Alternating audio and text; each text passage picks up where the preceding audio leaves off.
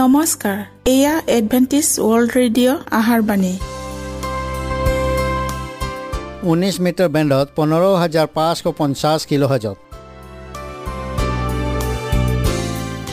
Adventist world radio যোগে অসমীয়া ভাষাত প্ৰচাৰিত আহাৰবাণী প্ৰত্যেক বুধবাৰ আৰু দেওবাৰ সন্ধিয়া সাত বজাত আহাৰবাণী শুনাৰ পিছত আপোনালোকৰ কিবা মন্তব্য আৰু প্ৰশ্ন থাকিলে আমালৈ এই ঠিকনাত লিখক। আমাৰ ঠিকনাটি হৈছে Adventist world radio' seven day Adventist মণ্ডলী অসম শাখা লতাকাটা বশিষ্ঠ গুৱাহাটী সাত আঠ এক শূন্য দুই ন।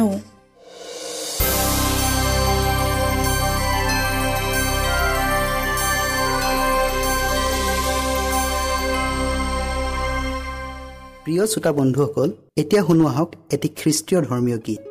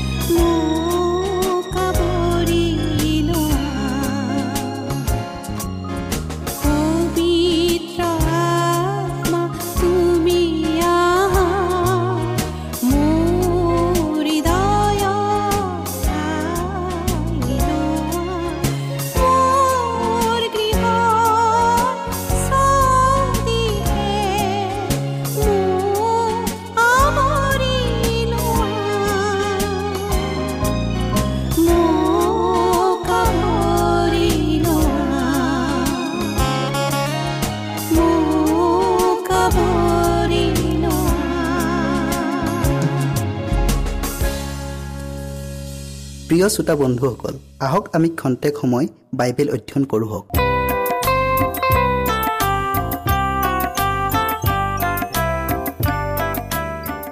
ক্ৰুচৰ বিৱৰণ।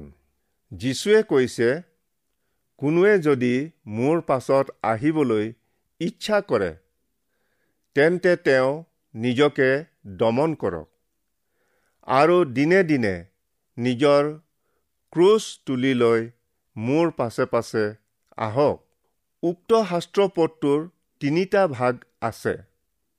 ইচ্ছা কৰা দমন কৰা আৰু খ্ৰীষ্টীয়ৰ পাছে পাছে যোৱা। যীশুৱে আমাক তেওঁৰ খোজৰ অনুগামী হ'বলৈ বলপূৰ্বক বা বাধ্য কৰোৱা নাই। কেৱল কৈছে যদি মোৰ পাছত আহিবলৈ ইচ্ছা কৰে। তেওঁৰ খোজৰ অনুগামী হ'লে বা তেওঁৰ পথত চলিলে আমি আমাৰ কুস্বভাৱবোৰ যেনে কুচিন্তা নৰবধ পৰিস্ত্ৰীগমন বেবিচাৰ চুৰি মিছা সাক্ষ্য নিন্দা ক্ৰোধ অহুচি মাত কথা ইত্যাদি আঁতৰ কৰিবই লাগিব। আমাৰ অন্তৰত থকা এই ৰিপুবোৰক দমন কৰিবই লাগিব। নহ'লে নিজৰ ক্ৰুচ তুলি লৈ তেওঁৰ পাছত চলাৰ অযোগ্য হ'ম। পবিত্ৰ শাস্ত্ৰত কৈছে যিকোনোৱে নিজৰ ক্ৰুচ লৈ মোৰ পাছে পাছে নাহে তেওঁ মোৰ যোগ্য নহয়। যিকোনোৱে নিজৰ ক্ৰুচ লৈ মোৰ পাছত নাহে তেওঁ মোৰ শিষ্য হ'ব নোৱাৰে। আজি আমি অনেকে যীশুখ্ৰীষ্টীয়ৰ খোজৰ অনুগামী বুলি দাবী কৰোঁ। আৰু যদি আমি সঁচাকৈ তেওঁৰ পাছত চলা লোক হওঁ তেন্তে ক্ৰুচ কঢ়িয়াবই লাগিব। কিন্তু ক্ৰুচ কঢ়িওৱাই কিহৰ অৰ্থ বহন কৰে? আমি যিকোনো বিশ্বাসেৰে লোক নহওঁ কিয়? গুৰুত্বপূৰ্ণ বিষয়টো হ'ল আমি তেওঁৰ ক্ৰুচ কঢ়িয়াব লাগে। আৰু আমাৰ প্ৰত্যেকজনৰে কঢ়িয়াব লগা একোটাকৈ ক্ৰুচ আছে। সেই ক্ৰুচবিলাক হৈছে ব্যক্তিগত যন্ত্ৰণা প্ৰকাণ্ড ক্ৰুচ ডিঙিত আঁৰি লৈ ফুৰা চটবস্ত্ৰ পিন্ধা কটাৰী বা চোকা অস্ত্ৰেৰে নিজৰ শৰীৰ ক্ষত বিক্ষত কৰা সৰসজ্জাত শোৱা সুসাধু আহাৰ খোৱাৰ পৰা বিৰত থকা মঠ মন্দিৰৰ ভিতৰত আবদ্ধ হৈ থকা মলিন মুখেৰে ফুৰা চকা কৰা ইত্যাদিবোৰ স্বকল্পিত ক্ৰুচ। এইবোৰ খ্ৰীষ্টীয়ৰ ক্ৰুচ নহয়।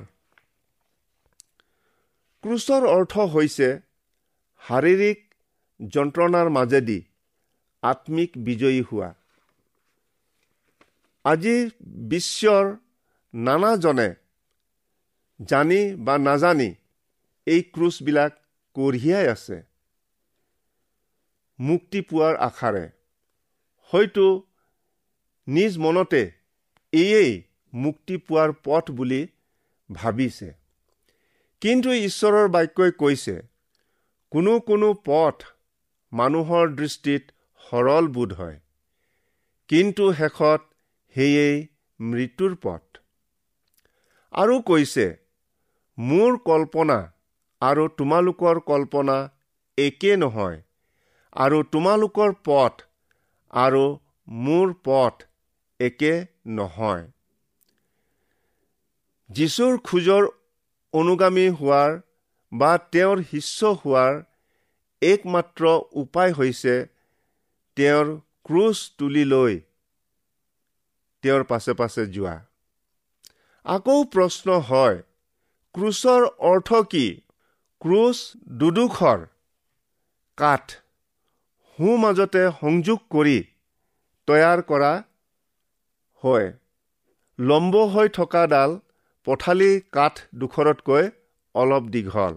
আৰু যি ক্ষণৰ পৰা আমালোকে ক্ৰুচ তুলি লৈ তেওঁৰ পাছে পাছে যাবলৈ ধৰোঁ যীশুৱে কৈছে সেই ক্ষণৰে পৰাই জগতে যদি তোমালোকক ঘৃণাই তেন্তে জানিব লাগিব যে তোমালোকৰ আগেয়ে মোকেই ঘৃণালে। তোমালোক জগতৰ হোৱা হ'লে জগতে আপোন লোকক ভাল পালেহেঁতেন। কিন্তু তোমালোক জগতৰ নোহোৱা। মই তোমালোকক জগতৰ মাজৰ পৰা মনোনীত কৰিলোঁ। এইকাৰণে জগতে তোমালোকক ঘৃণায়। আৰু মই যেনেকৈ জগতৰ নহওঁ তেওঁবিলাকো তেনেকৈ জগতৰ নোহোৱাত জগতে তেওঁবিলাকক ঘৃণালে। কাঠ দুডাল আঁতৰাই থলে তাক ক্ৰুচ ক'ব নোৱাৰে। দুয়োডাল কাঠ যোগ চিনৰ দৰে দীঘে পথালিয়ে এটা বিন্দুত স্পৰ্শ কৰিলেহে তাক ক্ৰুচ বুলি কোৱা হয়। আজি অনেক সংখ্যক তথাকথিত ঈশ্বৰ বিশ্বাসী বুলি নিজক প্ৰশংসা কৰি ফুৰা। লোকে নিজৰ অহুচি জীৱন যীশুৰ পবিত্ৰ জীৱনৰ পৰা আঁতৰত ৰাখে। স্পৰ্শ কৰিব নোখোজে কাৰণ মানুহবিলাকে পোহৰতকৈ আন্ধাৰক প্ৰেম কৰিলে কাৰণ তেওঁবিলাকৰ কৰ্ম মন্দ আছিল।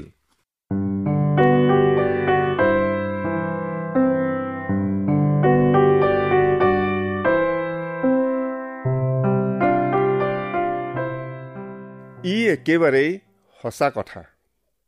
মানুহক ধৰ্মৰ প্ৰয়োজন আছে।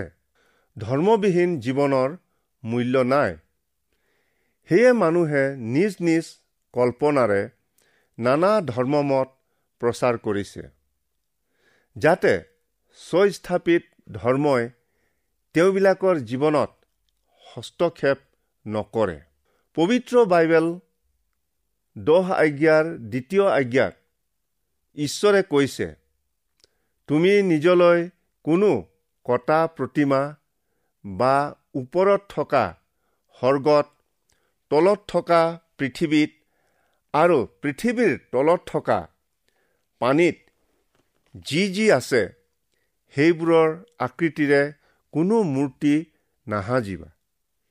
সেইবোৰৰ আগত তুমি প্ৰণিপাত নকৰিবা আৰু সেইবোৰক সেৱা পূজাও নকৰিবা। ছয়তানে জানে তাৰ শেষ দিন চাপি আহিছে। সেইকাৰণে সি তাৰ নানা চল চাতুৰিৰে আজি মানুহক ভ্ৰান্ত কৰি নিজৰ স্বাৰ্থ সিদ্ধ কৰিছে।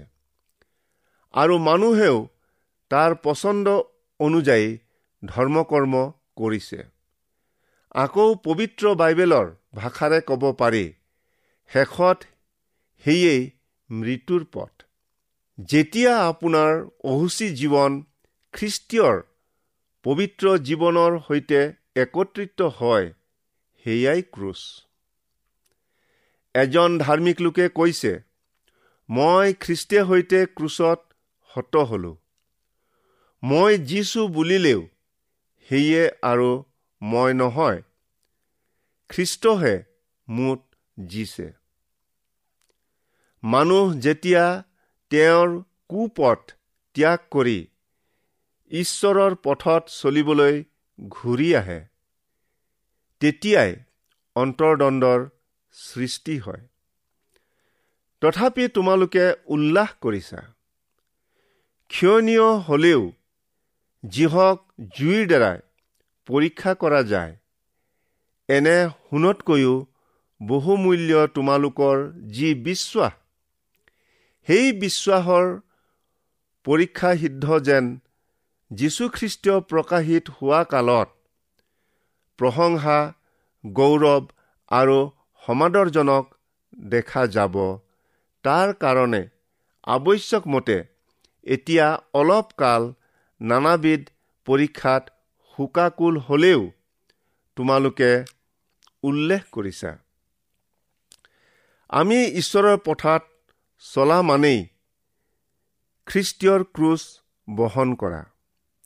এই হেতুকে আমি প্ৰতিদিনেই আমাৰ জীৱনত পৰিৱৰ্তন আনিব লাগে। যীশুৱে আৰু কৈছে মোৰ বাক্যতে যদি তোমালোকে থাকা তেন্তে সঁচাকৈয়ে তোমালোক মোৰ শিষ্য। আৰু তোমালোকে সত্যক জানিবা আৰু সেই সত্যই তোমালোকক মুক্ত কৰিব।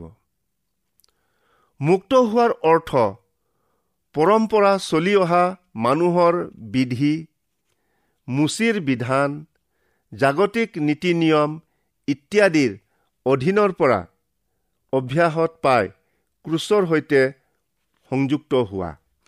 অনেক লোকে জাগতিক লাভ বা নিজ স্বাৰ্থ সিদ্ধিৰ বাবে যীশুৰ ক্ৰুচ বহন কৰা যেন দেখুৱায়। কিন্তু যীশুৰ খোজৰ অনুগামী হ'লে সাংসাৰিক মানুহৰ অভিলাষৰ দৰে লম্পট আচৰণ সুৰাপান ৰং ৰহ পানাৰ্থক আমোদ প্ৰমোদ আৰু ঘীনলগীয়া দেৱপূজা ইত্যাদিৰ পৰা বিৰত থাকিব লাগে। পবিত্ৰ শাস্ত্ৰত কৈছে বাস্তৱিক যীশুখ্ৰীষ্টত ভক্তিভাৱে জীৱন ধাৰণ কৰিবলৈ ইচ্ছা কৰা সকলোবিলাকে তাৰণা পাব। ছদ্মবেহেৰে অহাবিলাকে যীশুৰ নামৰ কাৰণে ক্লেশ বা তাৰণা হোৱা মাত্ৰেই বিঘিনি পায় আৰু বিশ্বাসৰ পৰা খহি পৰে। এতেকে যীশুৰ খোজৰ অনুগামী হয় তেওঁৰ ক্ৰুচ বহন কৰা মূল্য আপুনি বিবেচনা কৰি চাইছেনে? উদাহৰণ দি উল্লেখ কৰিব পাৰি ঈশ্বৰৰ মনোনীত লোক জোনা নামৰ ভাওবাদী এজনে যীশুৰ ক্ৰুচ বহন কৰিবলৈ ইচ্ছা নকৰি আন ঠাইলৈ গুচি গৈছিল। কিন্তু ঈশ্বৰে পুনৰাই তেওঁক আমন্ত্ৰণ কৰি যীশুৰ ক্ৰুচ বহন কৰিব দিলে। য'ত ক্ৰুচ নাই তাত কিৰিটিও নাই। এতেকে যীশুৰ খোজৰ অনুগামী বা তেওঁৰ ক্ৰুচ তুলি লৈ যোৱা সহজ নহয়। অকলে ক্ৰুচ কঢ়িওৱা সম্ভৱ নহয়। আমাৰ পাপ মোচনৰ অৰ্থে যীশু নৰৰূপে এই ধৰালৈ আহি অকলে ক্ৰুচ বহন কৰিব নোৱাৰাত চিমুন নামৰ লোক এজনক ক্ৰুচ কঢ়িয়াবলৈ মাতি অনা হ'ল। আমি নিজ শক্তিৰে কেতিয়াও অকলে ক্ৰুচৰ ভাৰ বব নোৱাৰো। নৰৰূপ ধৰা কাৰণে যীশুৱে গেটছিমানি বাৰীত আন্তৰিক যাতনা ভোগা সময়ত কৈছিল সেই পিতৃ যদি তোমাৰ ইচ্ছা হয় তেন্তে এই পাণপাত্ৰ মোৰ ওচৰৰ পৰা দূৰ কৰা। তথাপি মোৰ ইচ্ছা নহয় তোমাৰেই ইচ্ছা সিদ্ধ হওক বুলি কৈছিল। যীশুৱে কৈছে মোৰ বাহিৰে তোমালোকে একো কৰিব নোৱাৰা। যীশুৱে তেওঁৰ ক্ৰুচ বহন কৰিবলৈ আমাক সহায় কৰিব।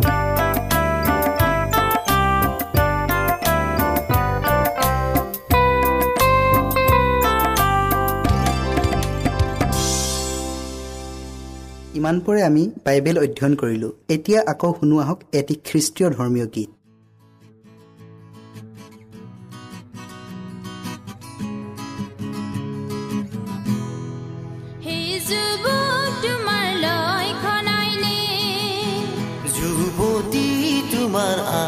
জানাইনি হে যুৱক তোমাৰ লক্ষণাইনি যুৱতী তোমাৰ আহা নাইনে আগ্নগৰহানে জীৱনৰ পথ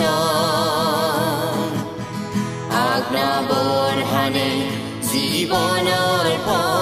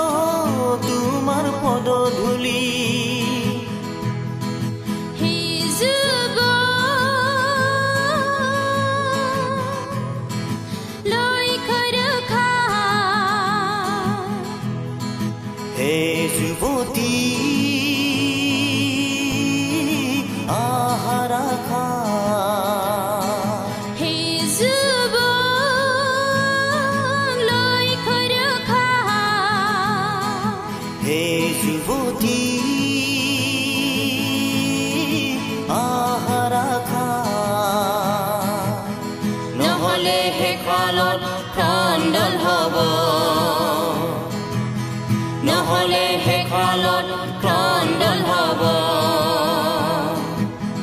হে যুৱক তোমাৰ লক্ষণ আইনে যুৱতী তোমাৰ আশা নাইনে হে যুৱক তোমাৰ লক্ষণ আইনে যুৱতী তোমাৰ আশা নাইনে আজ্ঞা বৰহানে জীৱনৰ আজ্ঞা বৰহানে জীৱনৰ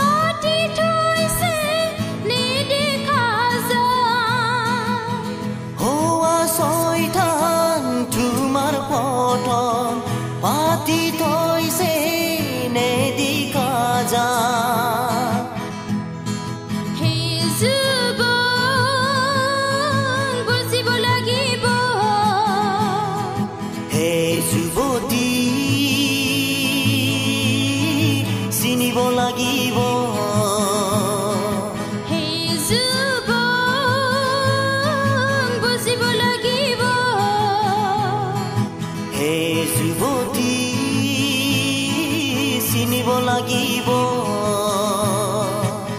চৈতানৰ নেদেখা কুমন্ত্ৰণা চৈতানৰ নেদেখা কুমন্ত্ৰণা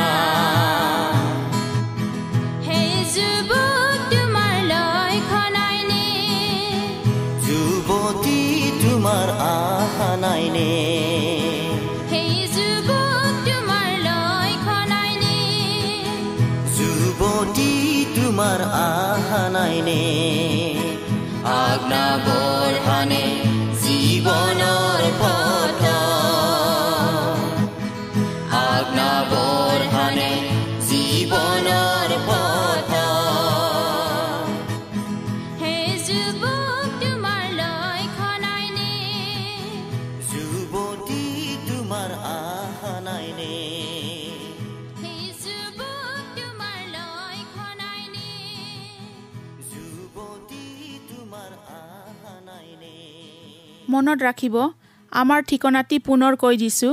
Adventist world radio' Assam region of seven day Adventist voice of hope Latakata Basistha Guwahati seven eight one zero' two nine প্ৰিয় শ্ৰোতা বন্ধুসকল এডভেণ্টিজ ৱৰ্ল্ড ৰেডিঅ' যোগে আহাৰবাণী প্ৰচাৰত আপোনালোকক পুনৰ লগ পোৱাৰ আহাৰে আজিলৈ সামৰিলোঁ। ধন্যবাদ।